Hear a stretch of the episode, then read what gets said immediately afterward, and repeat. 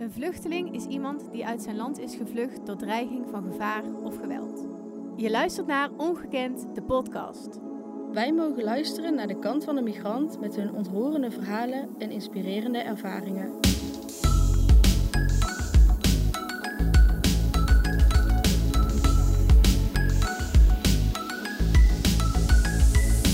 Net vandaag. Reberdowski, Leeftijd. 48. Met een zucht. Koerdistan of Nederland? Ik- Allebei. Dit mis je het meest uit Koerdistan. En Bergen. Nederland in één woord. Keurig. Wanneer zijn ouders op de vlucht zijn voor Saddam Hussein, wordt Reber Doski geboren in de bergen van Koerdistan. Reber komt naar Nederland, rondt verschillende studies af en besluit dan om filmmaker te worden. Momenteel trekt Reber met een groep Jezidi-vrouwen heel Nederland door. Zij zijn namelijk het onderwerp van zijn nieuwste documentaire Daughters of the Sun. Het gaat daarbij om vrouwen die door IS worden mishandeld, ontvoerd en ingelijfd als seksslavinnen. Zij vertellen nu hun heftige verhaal. Wij, Milou en Mout, spreken Reber vandaag over zijn eigen ervaringen als vluchteling, de mooie plekjes van Koerdistan en het Jezidi-volk in Daughters of the Sun. Nou, eerst een warm welkom aan onze luisteraars bij de zevende aflevering van Ongekend. En niet zomaar eentje, want we zijn op een hele toffe plek met een hele toffe gast. We zijn namelijk vandaag welkom in de cacaofabriek in Helmond. En filmmaker Reberdowski is bij ons aangeschoven. Na dit gesprek voegen wij ons bij een hele volle filmzaal, hebben wij begrepen. Om naar het laatste werk te kijken van jou, Reber. Daughters of the Sun. Welkom ook aan jou. Fijn dat je er bent. Dank jullie wel. Fijn dat jullie deze mogelijkheid gecreëerd hebben. Zeker, zeker. Belangrijk. We gaan het over heel veel belangrijke zaken hebben. Eh Reber, jij bent in 1975 geboren in de bergen, waar, waar je het net al even over had. In het noorden van Koerdistan, toen jouw ouders op de vlucht waren voor Saddam Hussein. En de eerste 25 jaar van jouw leven, die staan eigenlijk, heb je ooit zelf gezegd, in het teken van oorlog. Namelijk de Eerste Golfoorlog, Tweede Golfoorlog, de Koerdische vrijheidsstrijd, de brandhaard in het Midden-Oosten. En uiteindelijk kom jij in 1998 naar Nederland. Hoe is dit om zo je leven te beginnen? Ja, zoveel jaren ineenzien of hebben we genoeg tijd? We hebben genoeg tijd. Neem je podium. Eh, ja, weet je, ik zeg altijd, eh, ik ben als vluchteling geboren. En als je eenmaal gevlucht bent, dan beleef je eigenlijk met gevoel hè, eh, als vluchteling. Maar ik moet eerlijk zeggen, ik ben echt ontzettend tevreden in Nederland. En ik, heb, ik ben helemaal geaard. En wat is dat gevoel van die vluchteling dan? In jou? Nou ja, dat je nergens thuis voelt op een gegeven moment. Je bent altijd aan het zoeken, zoeken, zoeken. Wie ben ik? Waar kom ik vandaan? En uiteindelijk, ja, ik denk dat wij allemaal, of je gevlucht bent of niet, deze levensvragen stellen we altijd aan elkaar denk of ik aan ook. zichzelf. Wat is dan anders voor mij? ik ben Ehm, geen vluchteling. Nee, ik denk, je hebt wel hoogwaarschijnlijk momenten gehad. Denk je, wie ben ik? Waar kom ik vandaan? Eh, hoe ga ik verder? En bij mij misschien is net vanwege die bagage ga je vragen stellen, waarom is dat mij overgekomen? En dat zorgt ook dat je niet 1, 2, 3 zeg maar, gaat aarden. Ja. Maar ik heb mijn drijf gevonden. Ik heb twee studie achter, de- achter de rug. Maatschappelijk werk en dienstverlening heb ik gedaan. Anderhalf jaar heb ik gewerkt bij UAF. Gaan we het zo nog over hebben? vluchtelingen, studenten. Mhm. En ik ben niet altijd tevreden. En dan uiteindelijk dacht ik, ja, ik ga filmmaker worden. De- de- dus die vluchteling zijn, het is, is gevoelsmatig, is ergens anders. eh, heb ik wat dingen ontwikkeld, zeg maar. In mijn gedachten ben ik ook steeds van beroep was ik aan het vluchten. En ik denk dat ik nu met mijn vlucht in mijn hoofd ook ergens geaard ben. Dus filmmaker, dus ik denk dat het de laatste fase is. Maar wat betreft gevoel dat ik geaard ben in Nederland. Dus al de laatste tien jaar, denk ik, twaalf jaar. En ik zeg, ja, je hebt vader, je hebt moeder. Ik heb vaderland en ik heb moederland. Dus ik heb vader nodig om voor moederland te zorgen. en ik heb moederland nodig om voor vaderland te zorgen. Ja. Mooi. Denk je dat het antwoord op de vraag in de intro dan ooit nog zal veranderen? Zal het altijd allebei de landen blijven? Ik denk het wel, ja. Je kan ook tegelijkertijd verliefd worden op twee mensen. Ook twee landen dus. Twee landen, ja. Ja. En ehm, weet je, dit is mijn jeugd wat ik achtergelaten heb. Het is een prachtige land. Ik hou nog steeds van natuur, de bergen. Die mensen ook. Maar ik heb mij hier ontwikkeld. Ik heb alle mooie herinneringen eigenlijk hier in Nederland. De meeste mijn mooie herinneringen zijn hier in Nederland. Dus dat is gewoon een beetje een soort combi. Is het daarvoor dan ook nog belangrijk dat je altijd op een bepaalde manier contact blijft zoeken met dat land? Ja, zeker. Weet je, ik bedoel wat ik net ook gezegd heb. Het is mijn verleden, maar ook ik heb nog familie daar en ook vrienden. En, en mooie herinneringen, maar ook nare herinneringen. Die bagage die je hebt. Het is ook belangrijk om iets te vertellen aan de wereld. En ik zou ook heel graag in dat niet alleen maar die nare verhalen naar hier toe brengen, maar ik zou ook heel graag een keer een romantische film daar willen maken. En, Daar gaan we het ook nog over hebben dadelijk. ja, dat is jouw bagage, dat is jouw rijkdom, zo zie ik in ieder geval. Ja, Ja, mooi. want wij hebben dat natuurlijk, als we onderzoek aan doen zijn voor de podcast, dan denken we, oh, we hebben vandaag iemand te gast die bijvoorbeeld gevlucht is uit Angola. En dan zoeken we dat land op en dan is dat een supermooi land. Ja. Terwijl wij een vluchtverhaal gaan vertellen. Dus dat is... Dat staat soms haaks Ja. op elkaar. Nee, zeker. Ik Ja. bedoel, ja, weet je, die landen, Midden-Oosten, waar altijd eigenlijk, misschien juist daarom, omdat het zo mooi zijn, die landen. Ja, ik hoop dat het uiteindelijk een rust komt. En met die, jammer genoeg, we hebben altijd gekken in dat landen. En dan zoals Saddam of zoals nu Erdogan, weet je. Of Ayatollahs in Iran. Mhm. Alsof Mhm. zij gewoon met elkaar afgesproken hebben: oké, hoe kan ik het leven van mensen daar zuur maken?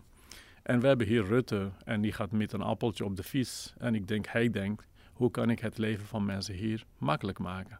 Zo zou het moeten zijn. En die, die idioten, met alle respect, daar, alsof zij alleen maar mogen genieten van vrijheid en de rest niet. En dan heb je uiteindelijk mensen die, zoals mijn opa, die tegenovergestelde wiel. En uiteindelijk rijpt hij gewoon wapen en dan gaat Mhm. hij vechten tegen Saddam.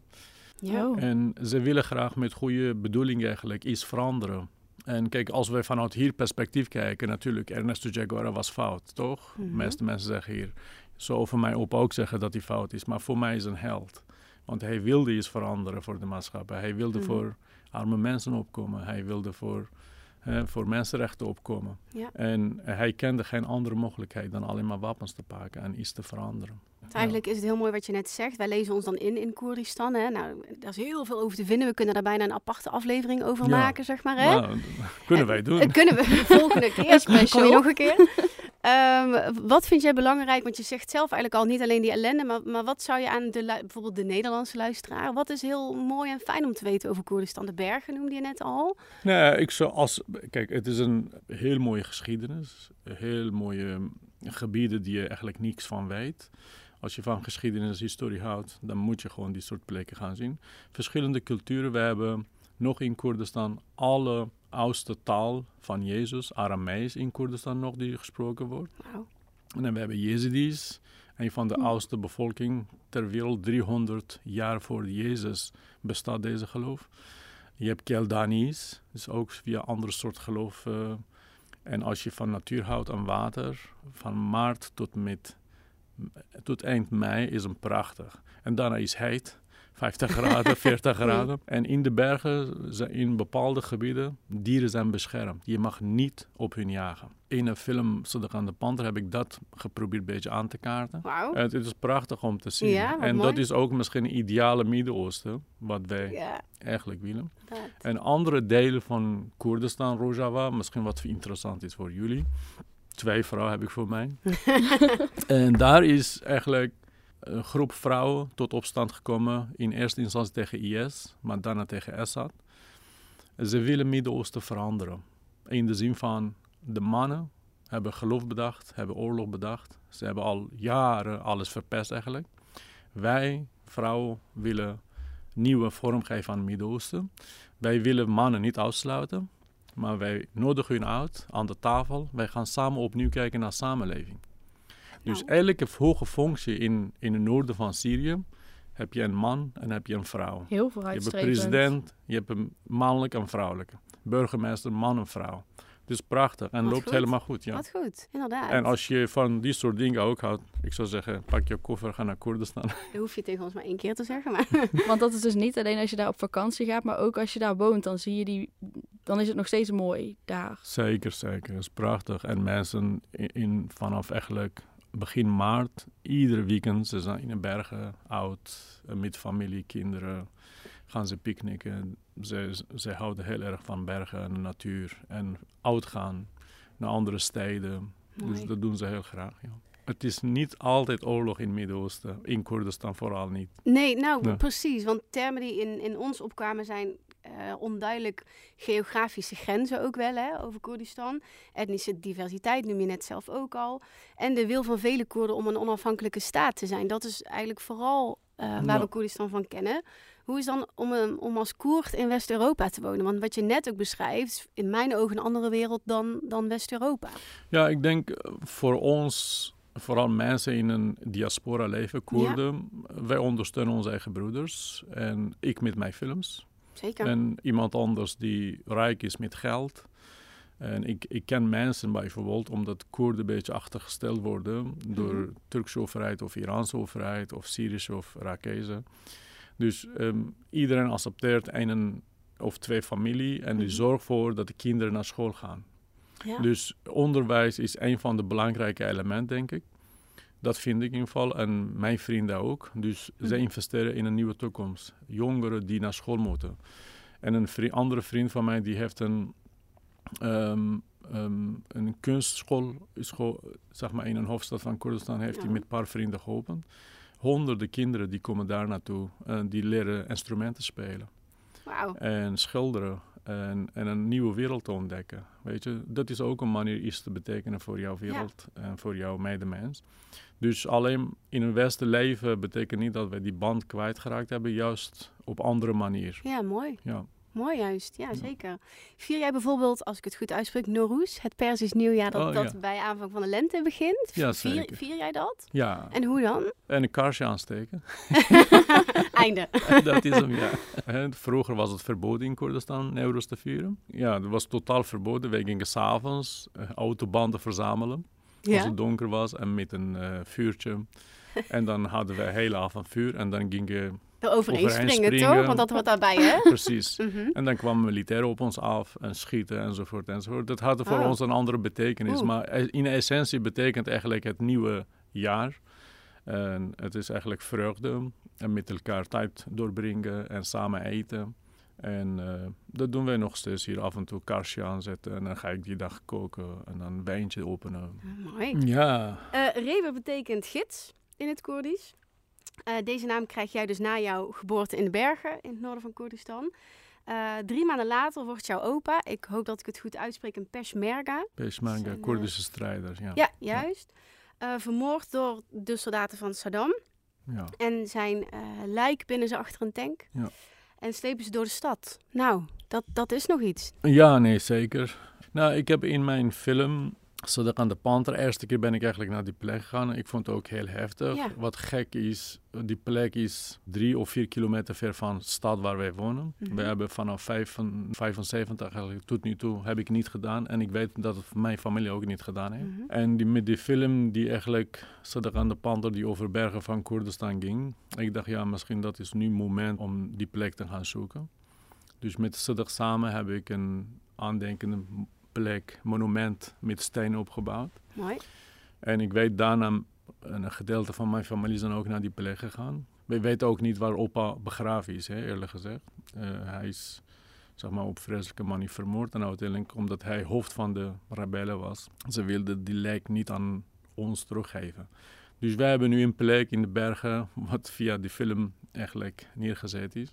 En die familie zijn daar naartoe gegaan. Dat is wel mooi, zeg Wel maar. mooi om het zo te doen, met zoiets Ja. vreselijks. Nee, zeker, ja. En het, het maken van zo'n film is dan een manier om daar dat te verwerken? Of is dat Deel niet zo? van, zeker. Weet je, de, de, de bergen.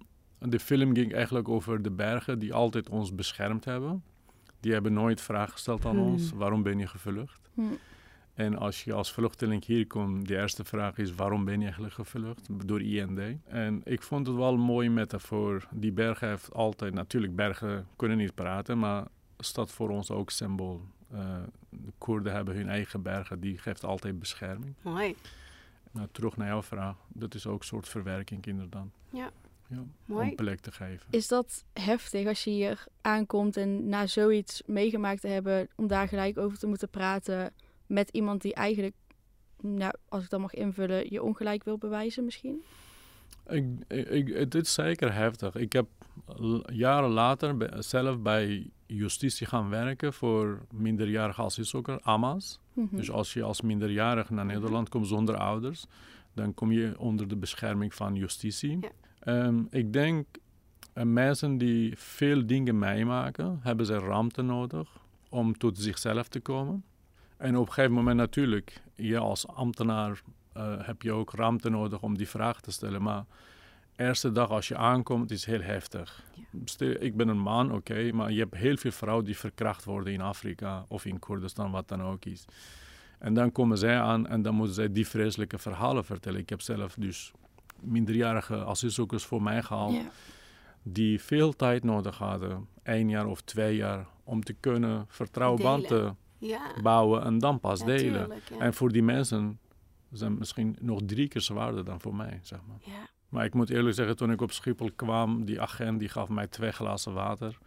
Die zei de paar woorden in het Koerdisch, vond ik ook heel fijn en, en ja, gastvrij, zeg maar. Wat een eerste ervaring, ja. ja. Als ik naar jou, jouw LinkedIn-pagina ga, daar heb ik volop gezeten de afgelopen Dan scroll ik naar beneden. Als ik helemaal naar beneden scroll, dan eh, staat daar dat jij inderdaad, wat je net al kort uh, zei, studentbegeleider bent geweest bij UAF. Ja, Voor wie het niet weet, dat is Universitair Asielfonds. Ja. Um, en op een gegeven moment, rond 2013, in ieder geval volgens jouw profiel, komt de switch naar film.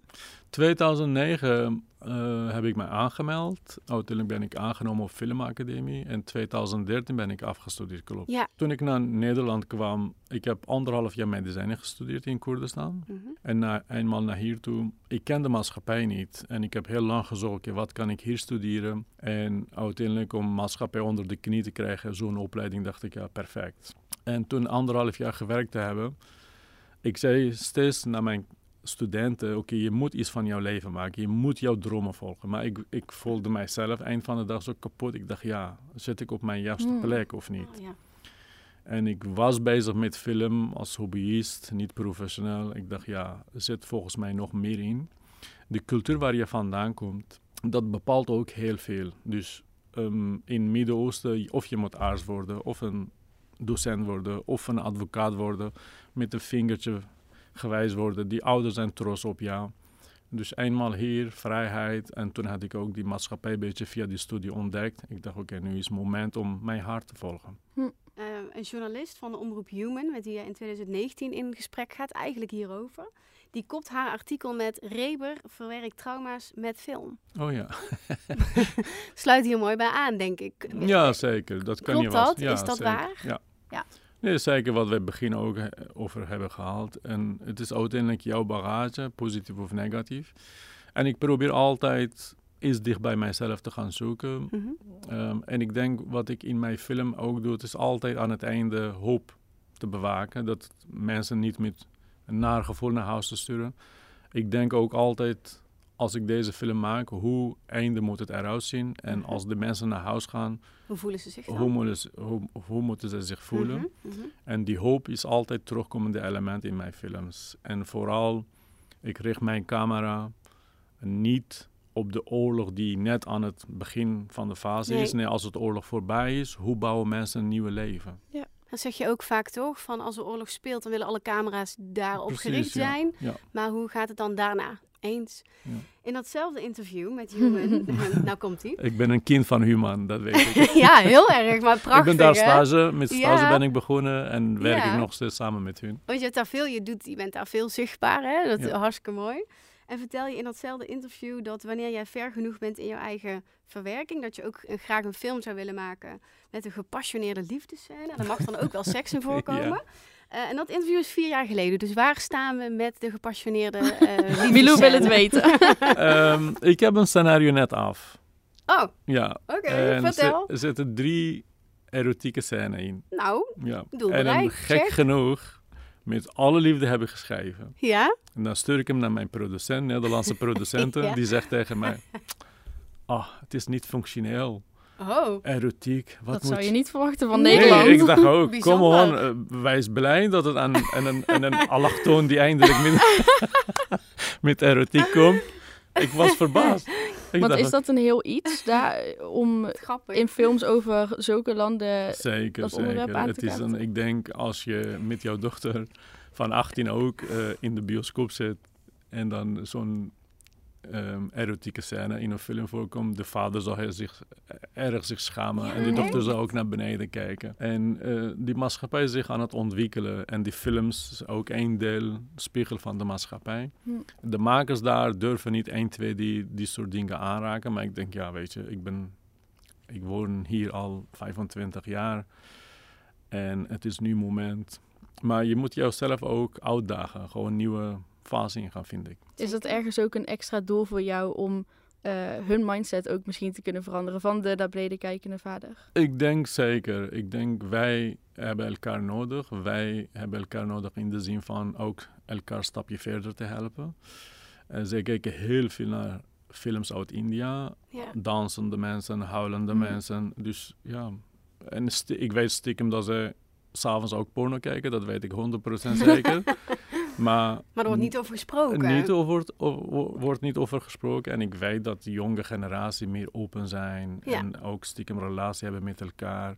Eh, niet 1, 2, 3 met elkaar trouwen en dan beginnen met een relatie. Nee, gewoon zoals hier. Mhm. Maar het is allemaal stiekem. Je hebt ook homoseksualiteit daar. ehm lesbienne en ja, transseksuelen ook. Maar alleen maar wordt niet over gesproken. In 2016 zeg jij tegen de Volkskrant dit. Er is een sfeer in Nederland dat je voor of tegen vluchtelingen bent. Maar het is niet zo zwart-wit. De vluchtelingen van vandaag, want ik vond deze heel mooi, kunnen de gastheren van morgen zijn. Ja, oké. Vertel, leg uit. Ja, ja nou, we- weet je, dat was volgens mij, als ik mij goed herinner, was een eh, met de Syrische vluchtelingen die uiteindelijk naar Klopt. Nederland kwamen. Ja, is die context. en, een, en dan die discussie ging over waarom hebben zij een iPhone. Mhm. Ja, dat hoor je vaak. En ik denk, ik ben niet gevlucht omdat ik geen geld heb. Ik heb juist een veilige omgeving gezocht. En ik weet met mij samen honderden anderen. Ja. En ik weet ook dat heel veel vluchtelingen terug, eh, eh, terug naar hun land zijn gegaan z- zodra Saddam verdwijnen was en dan eh, een nieuwe samenleving is gekomen is. Als wij eigenlijk iemand willen veroordelen, dan moeten wij eigenlijk naar onze eigen geschiedenis kijken. De Tweede Wereldoorlog zijn ook heel veel Nederlanders vanwege oorlog gevlucht Ja. naar andere landen. Mhm, Klopt. Natuurlijk niet, is het niet plezierig, het is ook niet fijn, maar die zwart-wit kant, soms komt het hard binnen, Ja. weet je. Ja. En ik vind dat wij, dat wij moeten anders naar vluchtelingen moeten kijken. Als we naar Afrika kijken, wat wij met Afrika gedaan hebben. Al die rijkdom hebben wij daar weggehaald. En natuurlijk willen zij ook een stukje, een deel van die taart hebben. En dan zodra zij bij onze baker aankloppen, denk ik, nee, je, moet, je bent niet welkom, je moet terug. Dus het ligt gecompliceerder. Zeker, dat het soms zeker, lijkt. Ja, ja. Mhm. In 2014 valt de IS de provincie Sinjar, Sinjar binnen, ja. Sinjar. ja. in Iraaks Koerdistan binnen. Een plek waar vooral, ik hoop dat ik dit goed zeg, Yazidi, Jezidi, ja. Yazidi, Ja. waar vooral Yazidi leven in een religieuze gemeenschap met eigen tradities. Oudere mannen en vrouwen worden geëxecuteerd. Jonge vrouwen, vrouwen worden bruut gescheiden van hun familie. eh, onder dwang bekeerd tot de islam en ingelijfd als seksslavinnen. Ja. Dan komen we bij de film Daughters of the Sun, waar het over Ja. gaat. Waarom heeft IS het zo gemunt op deze minderheidsgroep? Dus heel goede vraag. Eh, weet je, ik wil ook hun woorden niet herhalen.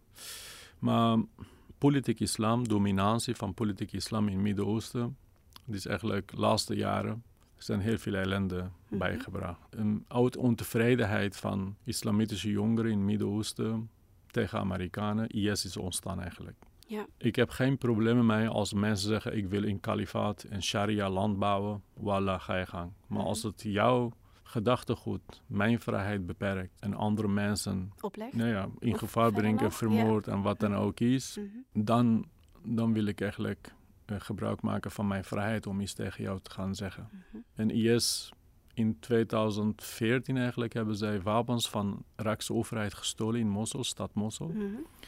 Je zou zeggen, oké, uit ontevredenheid ga je vechten tegen de Mhm. Iraakse overheid, Ja. Amerikanen. Dat hebben zij niet gedaan. Ze hebben aanval gedaan op Sinjar. En nou ja, heel veel oudere mensen, vrouwen, mythen vermoord. Ja. En kinderen, vrouwen vooral meegenomen. Kinderen zijn bij Arabische familie verplaatst. En die jonge vrouwen zijn als seksslavine op de markt eh, verhandeld. Ze hebben als heftig. cadeau aan elkaar gegeven. Oh. Ehm, en, en uiteindelijk, ze hebben via aanval gedaan op noorden van Syrië, via op Koerden. Dus ja, daarom is een heel goede vraag, waarom doe je dat?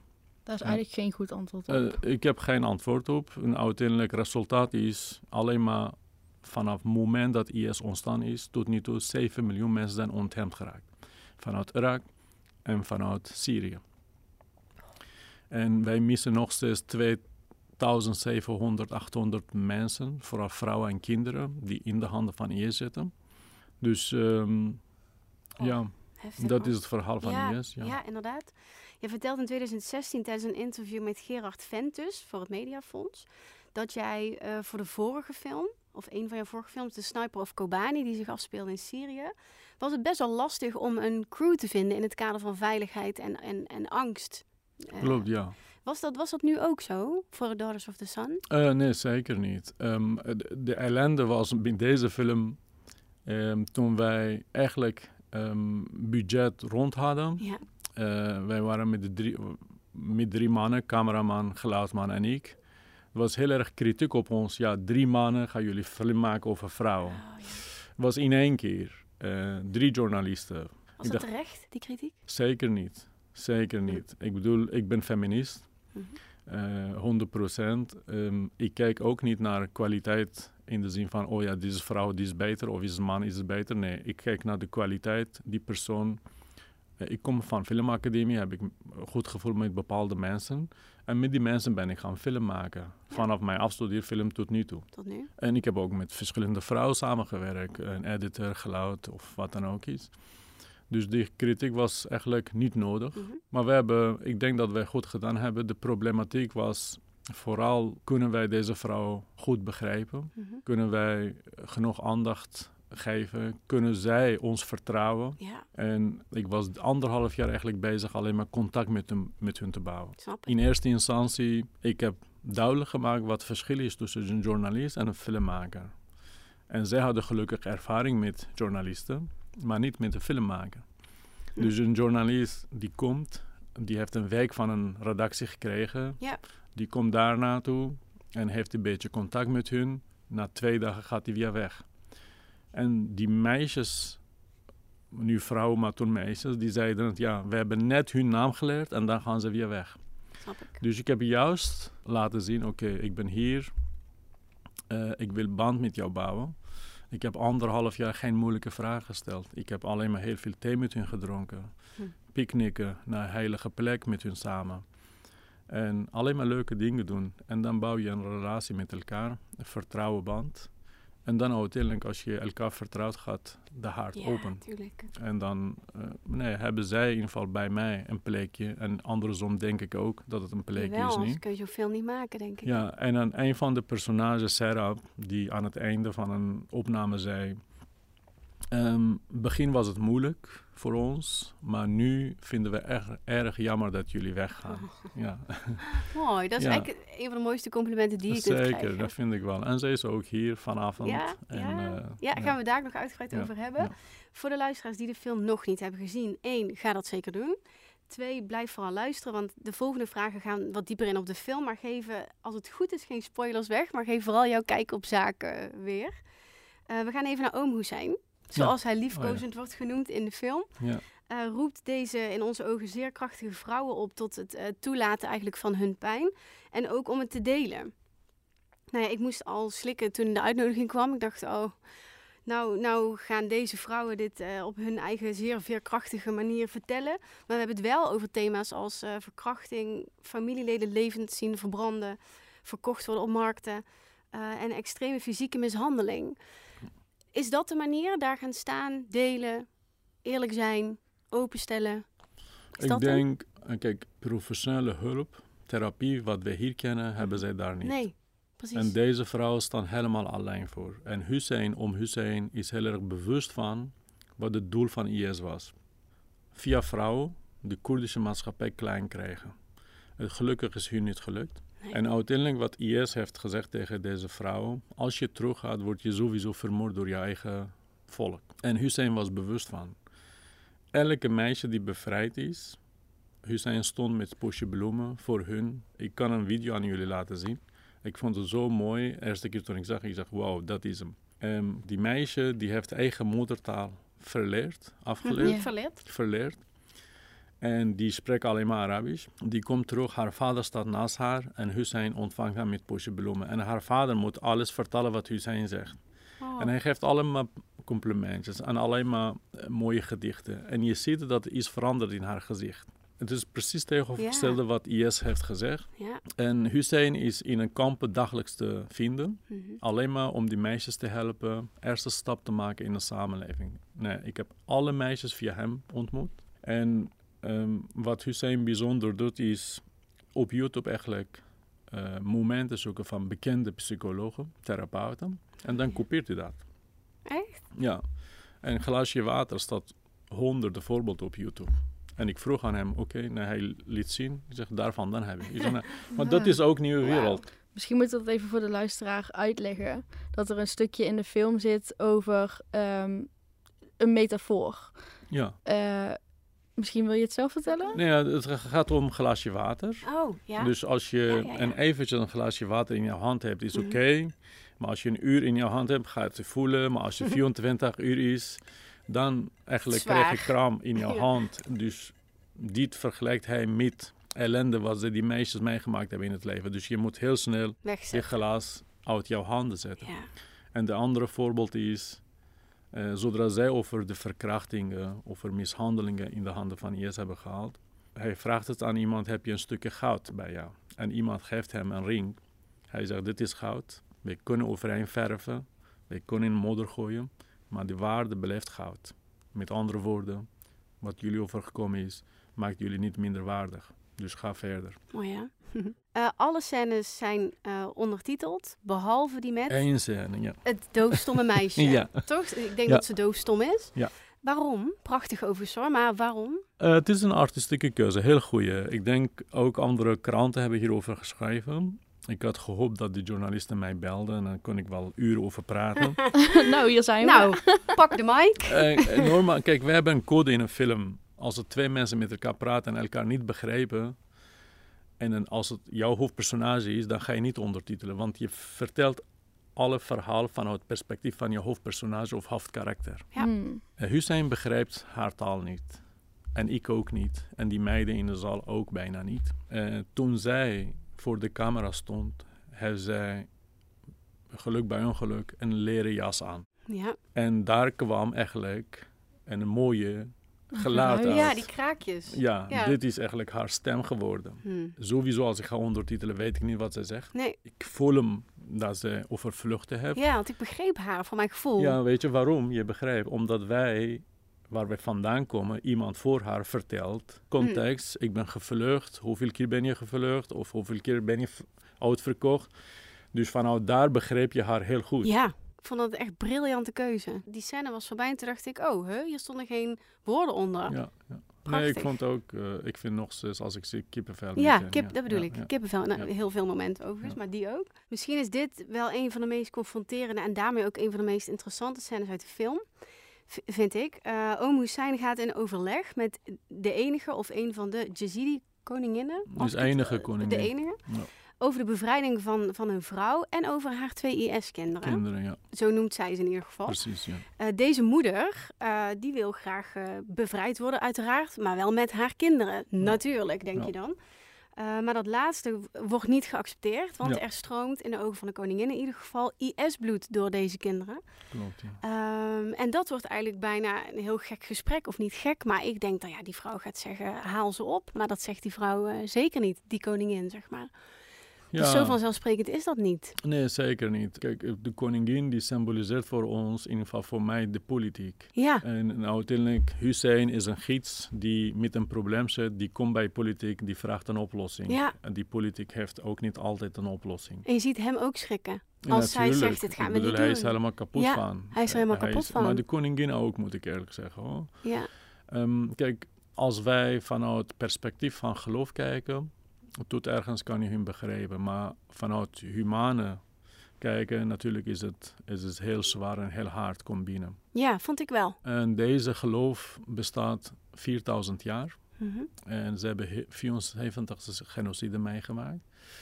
Eerste keer in hun leven, in 4000 jaar, hebben ze één wet aangepast. Hmm. Alle vrouwen die door IS verkracht zijn, En daar kinderen... zijn, en, Ja. en verhandeld zijn, Mhm. mogen zij terugkomen. Ze zijn via een deel van ons gemeenschap. Ze zijn via Jezidi. Normaal gesproken, als je eenmaal seksueel mishandeld bent, op, uit jouw vrijwillig of niet, mag je nooit terugkomen. Dus eerste keer in 4000 jaar hebben zij hun wet aangepast. Maar die uitzondering geldt niet voor die kinderen. Nee. Dat is te ver voor hun. Ja, Ja. want zij Eh. zegt meteen ook vrouw, akkoord? Ja. Kinderen, nee. Kinderen niet. En de reden is nog een andere lijn die eigenlijk niet, wij konden niet toelichten. Ehm en Koerdistan is een deel van Irak. Mhm, En ja. in Irak, de wetgeving, het is zo inge- ingesteld, bijvoorbeeld een van de vrouwen die door drie of vier mannen verkracht is, die uiteindelijk zwanger is geraakt, Mhm, die weet niet wie de vader is Nee. van het kind. Als je met jouw kind terugkomt naar Irak, vader onbekend, automatisch wordt kind ingeschreven als islamitische kind. Automatisch. Dus je hebt je een Jezidi-moeder en dan heb je kinderen die met islamitische achtergrond. Oei. En over 20 jaar heb je een groot probleem. Ja, En daar eigenlijk, koningin heeft het over. Oké, hoe gaan wij dit oplossen? Ja. Eigenlijk, wij moeten die pijlen eigenlijk richten op de wetgeving in Irak. Ik Ja. denk, eerst moet die weg, wet aangepast worden, de weg vrij moet gemaakt worden. En dan kunnen wij met de Jezidi-gemeenschap discussiëren. ja, juist. Er zijn 25 vrouwen met kinderen terugkomen. Met kinderen. Met kinderen. Voortgekomen uit verkrachting. Precies. Mhm. En eh die Jezidi-gemeenschap heeft gezegd, dit is voor ons nu te ver, wij kunnen dat niet. En de koningin zei, weet je, als ik hier ook nu ja zeg, die gemeenschap gaat niet accepteren. Wij zijn bang dat er iets gaat, gaat gebeuren. Dus de Koerdische overheid met de Amerikaanse ambassade, ook deel Nederlandse ambassade, Mhm. Duitse ambassade, hebben Mhm. zij samen besloten, wij gaan deze vrouw bescherming geven. Ze hebben die vrouw meegenomen, die zit ergens in de hoofdstad Erbil Ja, in een beschermde omgeving, hotel geloof ik. Die zitten daar. Die westerse landen hebben aan Jezdi-gemeenschap beloofd, wij gaan deze vrouw en kinderen asiel verlenen. Die zitten al drie jaar in de hotel, het gebeurt niks. Oh. Ehm, ik, wou, ik wou net zeggen wat goed, maar... nee, dit is eindelijk goed, niet, ja. maar weet je, wij kunnen wel hun helpen in de zin van al die vrouwen met IS-kinderen naar hier te halen. Ergens anders naartoe, die mogelijkheid creëren. Mhm. Ze hebben recht op. Alleen maar in die maatschappij zelf is op dit moment heel erg pijnlijk. Ze zijn nog mee bezig met hun trauma. En als er dit ook bovenop komt, Nee. het wordt te ver. te veel. Ja, ja. Dan gaan we naar een mevrouw. Ik beschrijf haar eventjes, eh, want ik ken haar naam niet. Zij, heeft, zij draagt in de film een zwarte hoofddoek. En ze heeft een dochtertje van 9 of eh 10 jaar die aan het woord Hedia, komt. ja. Hoe heet ze? Hedia. Hedia. Heet Ehm, letterlijk cadeautje. Ja, is Ja. dat haar voornaam? Ja, haar naam is cadeautje. Mooi, Ja. mooi.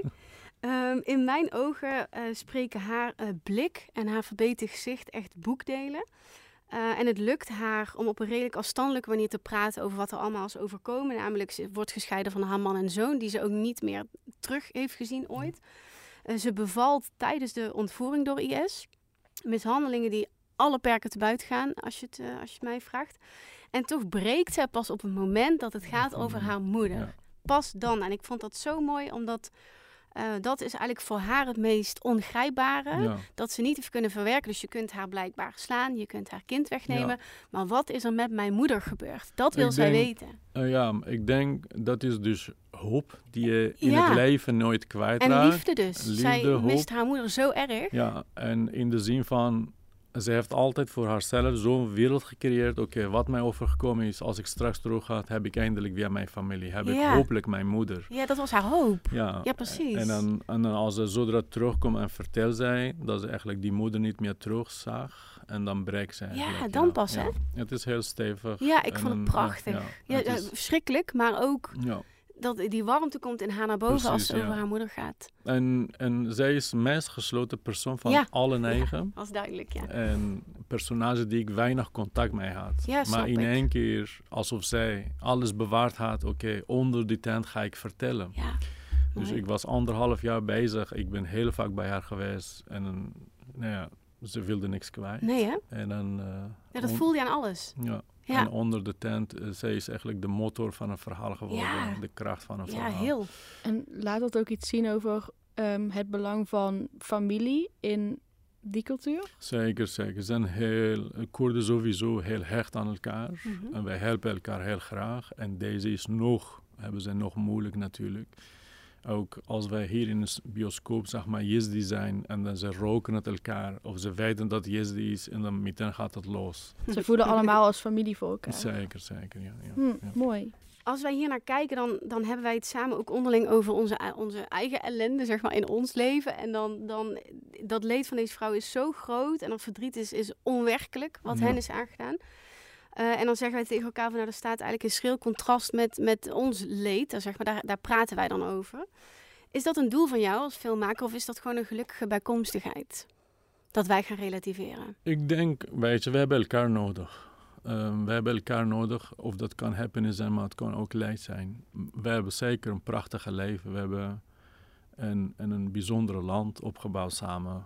En als het onze tram twee minuten of één minuut niet Ja. op tijd komt, sturen wij tientallen briefjes naar gemeente. Of Toch? naar- maar aan de andere kant, weet je, wij zijn ook bewust van wat in andere delen van de wereld gebeurd is. Ik vind dat Nederlanders heel bewust zijn van Ja. de omgeving van de wereld. Dat vind Mhm. ik ook juist mooi aan Nederlanders. Mhm. En wij mogen ook blij zijn dat wij dit mooie leven samen hebben. Maar aan de andere kant ook, wij Dat is moeten heel ook, oneerlijk. wij moeten ook bewust zijn dat het andere kant van de Ja. wereld nog ehm, ja, zwaar is. En ik heb daar niks voor hoeven doen. Alleen maar dat mijn wieg hier staat. Nou, ik, ik vind het niet oneerlijk. Het is in de zin van, ik denk als het aan ons lag, zouden wij iedereen willen hel- helpen. maar dat denk ik. natuurlijk. Er is een scène met een kip. Oh ja, Eh, we willen dus niet te veel weggeven, dat hadden we beloofd. Eh, Ja. Maar mocht je de film nog niet hebben gezien, er is een kind, er is een kip en er is een slachting. ja. Wellicht mijn zwakke Nederlandse maag hoor. Eh, ik kan er niet zo heel erg goed tegen. Eh, wat is de symboliek? Waarom, waarom moet zo'n scène in jouw film? Weet je, eh, mm, bij de première eh, op Movies That Matter was de zaal helemaal vol. En dan heb je... Toen kwam die scène. En dan heb je een, bijna 40 minuten naar het leid van mensen gekeken, wat ze meegemaakt hebben. En dan komt een kiepmoment en iedereen zegt, oh, Of vinden ze dat zielig zeker? Ja. Ja, ja. dat vond ik wel geestig, zeg maar. Dus dat is een artistiek grapje bijna. ja, Knipoog. zo zou je wel kunnen kijken. Kijk, Ja. nogmaals, die mensen hebben geen eh, Albertijn.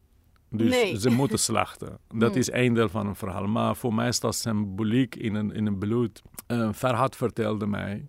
Farhad is die jongen die eigenlijk kip slacht. Hij zei, Die jongen is overigens, is echt een kind, toch? die is 12 jaar 12. oud. Ja. En hij heeft hij zoveel onthoofdingen gezien. Ja. En die andere broer van hem ook is mishandeld in de handen van IS. En hun vader en moeder zijn allebei vermoord. Dus die zus, die is pas 14, 15 was dat toen. Die zorgde voor die twee broers. Eigenlijk, ik probeer die trauma, die directe trauma via die bloed te laten zien. Oh. En dat is die metafoor, Ja, weet je. Ja. inderdaad. En, Die plas die zo in beeld komt. ja, en dan, Ja. kijk, die, die zus is een moeder en vader geworden Ja. voor dit twee kinderen. Ja. Een kind die 12 is, die kip slacht. Wij laten die kip niet zien, hè? alleen maar bloed. ja, ja. Ja. Maar ik snapte en wel. wat doet die zus? Die gaat die bloed opruimen. Ja. Dus eh, staat voor mij een prachtige metafoor. Dus zij is eigenlijk vader, moeder geworden. Ja. Die zorgt nu voor die kinderen. Ja. Ze moet zorgen. En die bloed met water Ja. eh, maakt ze schoon. Ja. Mooi. Je geeft niet helemaal weg aan het einde hoe het nu met deze vrouw gaat. Je krijgt een indruk en het gevoel is, is oké. Eh, maar je ziet het niet helemaal. Je ziet bijvoorbeeld een naaiatelier, als ik het, als ik het goed beschrijf. Eh, en andere mooie shots ook waar kinderen spelen. Ehm, en ik weet niet of dat de bedoeling is of niet, maar ik heb dan nog steeds een onveilig gevoel. Dus op een gegeven moment eh, loopt eh, de vrouw over wie we het net hadden, met, met het kindje van eh 9 of 10, eh, loopt naar haar woning, denk ik. Volgens mij is dat vlakbij. Of binnen het kamp verplaatst zij zich. En je ziet op een gegeven moment mooie buitenlucht. En ik krijg helemaal zo'n ehm zo'n nagevoel van... Oh, verstop je, je bent nog steeds onveilig. Ja, Dat gevoel hou, houd ik, zeg maar. Om Hussein die nog steeds met grapje komt. En die vrouw zeggen, hou op. Ja, hou op met je, ze zijn maken. mondeling, ze zijn sterker geworden. Ze komen beter uit. En, en dat is het einde zeg maar, van hun verhaal. Natuurlijk, zij zijn nog niet helemaal klaar. Nou, er zit misschien, ik denk jouw vraag zit meer in de scène als de twee vriendinnen naar de stad gaan. Die ook. Ja. Eh, ik omschrijf even gewoon voor de duidelijkheid voor de luisteraar thuis die de film dus niet heeft gezien of nog niet. Ehm, die scène even van het winkelcentrum. Eh, Het gaat dan over twee vriendinnen, mag ik ze wel noemen, ja toch? zeker. Die ehm, samen naar dat winkelcentrum gaan en daar zijn heel veel mannen. En zij blijft op een gegeven moment heel even alleen staan. En je ziet een soort paniek ontstaan. Klopt, ja. Ja. En dan zodra zij elkaar kwijtraken, eentje raakt helemaal in paniek. Ja. En dan barst hij uit, Oh. eh, in een huil. En, en zij is nog niet klaar, maar die andere is wel sterk, die is klaar voor. Ja, en die troost haar. Ja, en dus in- inderdaad, het is een heel terechte vraag. Niet iedereen zit op dezelfde fase. Nee. Sommigen zijn een stapje verder, sommigen niet. En de vrouwen die dus bijvoorbeeld daar aan het winkelen waren, eh, Ja. die, die kunnen daar dus nu veilig Nee, zeker. Weet je, dat, is ook wat, wat documentaire is eigenlijk. Zodra zij haar vriendin kwijtraakt, zitten zeg maar alleen maar mannen om haar heen. Zoals Ja. bijna wolven. Ja, je ziet op- haar kijken, hè? Ja, Ja. ik denk. Ik vond het he- ja, heel indrukwekkend. Maar Faiza is heel sterk. Zij is echt veel beter uitgekomen dan, dan ik had verwacht. Zij wil advocaat worden, eh, rechten studeren Mhm. en voor ehm, ja, rechten voor vrouwen opkomen. En ze zegt ook, eh, IS wilde mij als vrouw vernederen, mij kapot maken. En dat ik vandaag hier sta, dat is een juiste antwoord eh, voor IS. En ik wil ook nog een stapje verder, ik wil advocaat worden, om ook in de rechtszalen die soort idioten gaan volgen. En overal van de wereld waar vrouwen eigenlijk onderdrukt worden of Ja. mishandeld worden, wil ik hun gaan helpen. Dat gaat haar lukken, Ja, geen twijfel. dat, dat twijfel ik ook niet aan. Ja. We hebben eigenlijk nog twee vragen voor jou. Eh, de ene laatste. Van vluchteling tot vluchteling. Stel, er luistert nu een vluchteling. Wat is jouw advies? Ehm, Als je naar West-Europa komt, naar Nederland komt vluchteling. neem jouw telefoon mee. Je iPhone, ja, iPhone. de nieuwste.